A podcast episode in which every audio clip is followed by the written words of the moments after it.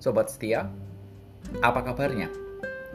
Kita bersyukur untuk pandemi COVID yang terus terkendali di negara kita, dan biarlah kita boleh terus sama-sama mendukung kondisi ini dengan tetap menjalankan protokol kesehatan.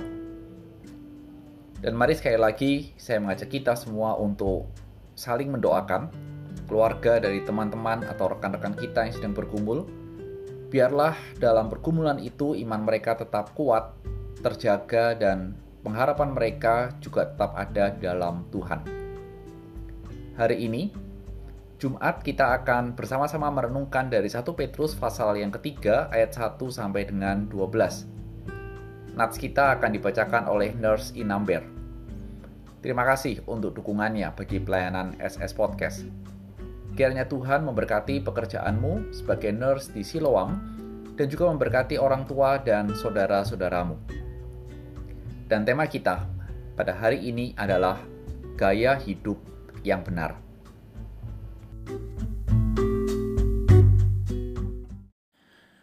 Satu Petrus 3 ayat 1 sampai 12. Dengan perikop hidup bersama suami istri. Demikian juga kamu hai istri-istri, tunduklah kepada suamimu supaya jika ada di antara mereka yang tidak taat kepada firman, mereka juga tanpa perkataan dimenangkan oleh kelakuan istrinya jika mereka melihat bagaimana murni dan salehnya hidup istri mereka itu. Perhiasanmu janganlah secara lahiriah, yaitu dengan mengepang-epang rambut, memakai perhiasan emas, atau dengan mengenakan pakaian yang indah-indah. Tetapi perhiasanmu ialah manusia batiniah yang tersembunyi, dengan perhiasan yang tidak binasa yang berasal dari roh yang lemah lembut dan tenteram, yang sangat berharga di mata Allah. Sebab demikian caranya perempuan-perempuan kudus dahulu berdandan, yaitu perempuan-perempuan yang menaruh pengharapan kepada Allah. Mereka tunduk kepada suaminya sama seperti Sarah taat kepada Abraham dan menamai dia tuannya. Dan kamu adalah anak-anaknya jika kamu berbuat baik dan tidak takut akan ancaman. Demikian juga kamu, hai suami-suami, hiduplah bijaksana dengan istrimu sebagai kaum yang lebih lemah Hormatilah mereka sebagai teman pewaris dari kasih karunia, yaitu kehidupan, supaya doamu jangan terhalang. Ayat 8 dengan perikop baru kasih dan damai. Dan akhirnya, hendaklah kamu semua seia sekata, seperasaan mengasihi saudara-saudara, penyayang dan rendah hati, dan janganlah membalas kejahatan dengan kejahatan atau caci maki dengan caci maki. Tetapi sebaliknya, hendaklah kamu memberkati, karena untuk itulah kamu dipanggil, yaitu untuk memperoleh berkat. Sebab siapa yang mau mencintai hidup dan mau melihat hari-hari baik, ia harus menjaga lidahnya terhadap yang jahat dan bibirnya terhadap ucapan-ucapan yang menipu. Ia harus menjauhi yang jahat dan melakukan yang baik. Ia harus mencari perdamaian dan berusaha mendapatkannya. Sebab mata Tuhan tertuju kepada orang-orang benar, dan telinganya kepada permohonan mereka yang, min yang minta tolong. Tetapi wajah Tuhan menentang orang-orang yang berbuat jahat.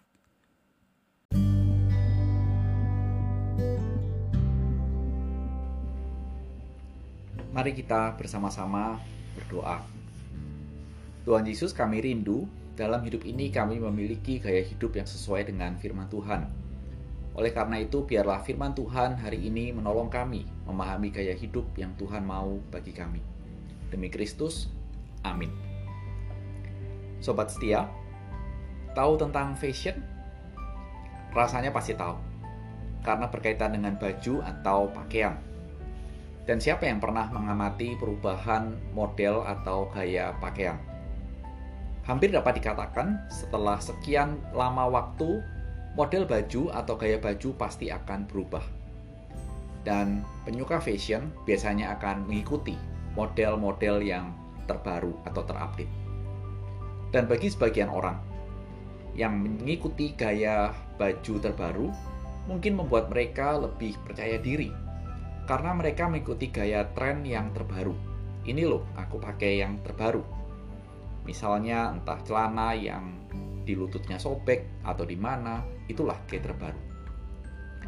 Dalam hidup kita, sebenarnya tidak hanya gaya baju yang harus kita ikuti, tetapi sebagai anak-anak Tuhan ada gaya hidup yang harus kita ikuti dan tidak lekang oleh waktu. Dan gaya hidup apa? Yang pasti disukai oleh semua orang yang harus kita hidupi. Gaya hidup seperti apa? Mari kita lihat nats-nats kita. Yang pertama adalah gaya hidup yang harus kita jalani. Bukanlah gaya hidup yang terlihat secara lahiriah dengan menggunakan perhiasan.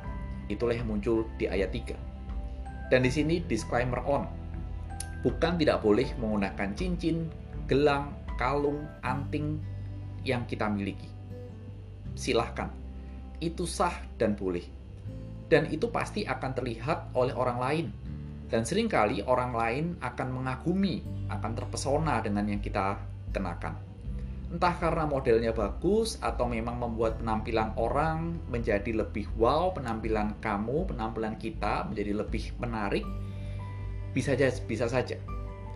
Dan sedikit cerita, Waktu saya menjadi wali kelas dan bertemu dengan orang tua murid yang mengambil rapot, salah seorang teman guru saat itu bertanya, Bapak tadi ketika ketemu dengan si ibu A, si ibunya si itu, waktu ambil rapot, Bapak silau nggak? Saya bingung dengan pertanyaan itu. Kenapa silau? Saya bengong. Teman saya yang sadar bahwa saya tidak menangkap apa yang dia sampaikan, kemudian menjelaskan.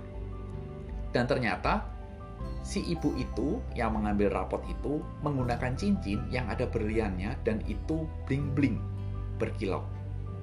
Ketika saya sadar akan kalimat itu, saya bilang, gak silau lah. Lah saya tidak tahu kalau yang dipergunakan itu berlian. Maka bling-bling tidak bling-bling ya terserah. Dan saya mengatakan penampilannya boleh wow. Tapi tahu nggak? Yang tidak terlihat karakter si ibu itu. Hmm, menyeramkan kalau menurut cerita anaknya.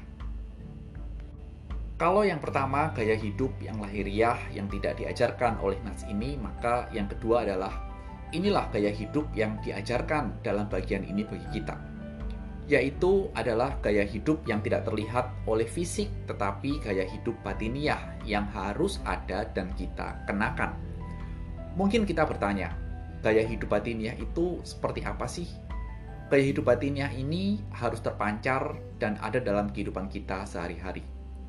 Dan perhatikan yang menjadi penjelasan dari Rasul Petrus. Dengan menggunakan konteks keluarga, Rasul Petrus mengajarkan dan menjelaskan bahwa gaya hidup batiniah itu bagi seorang suami harus bijaksana, menghormati istri, dan juga istri harus tunduk kepada suami, bukan karena takut, tapi memang karena suaminya layak mendapatkan itu. Dalam konteks yang lebih luas, kehidupan sehari-hari sebagai umat Allah, Rasul Petrus juga mengajarkan bahwa gaya hidup kita haruslah saling mengasihi, tidak membalas kejahatan dengan kejahatan, caci maki dengan caci maki, dan menjaga lidah kita dari ucapan yang jahat dan menipu. Itu muncul di ayat yang ke-10 dan kalau kita simpulkan secara sederhana, maka gaya hidup yang Allah kehendaki bagi kita adalah gaya hidup yang menjauhi kejahatan, yang tidak melakukan hal-hal yang jahat dan melakukan hal-hal yang baik. Guna apa? Menghadirkan kedamaian.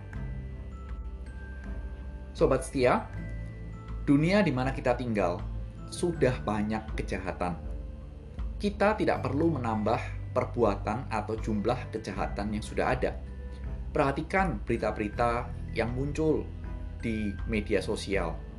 Kejahatan pasti ada.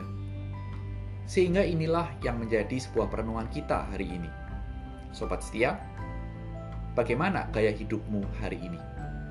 Apakah selama ini engkau hanya fokus kepada gaya hidup yang lahiriah saja?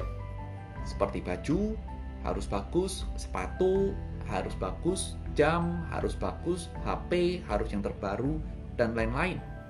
Dan mengabaikan gaya hidup batiniah yang diinginkan Tuhan. Tuhan menginginkan kita memiliki gaya hidup batiniah, gaya hidup hidup benar di mata Tuhan dan bukan yang lain.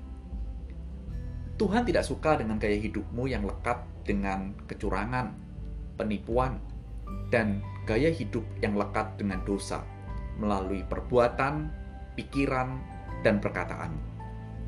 Ingatlah ini. Ingat bahwa mata Tuhan tertuju kepada orang-orang benar, tetapi wajah Tuhan menentang orang-orang yang berbuat jahat. Itu muncul di ayat yang ke-12. Sehingga ketika kita merenungkan bagian ini, biarlah ketika mata Tuhan tertuju kepada hidupmu, wajah Tuhan bisa tersenyum dan tidak menentang hidupmu.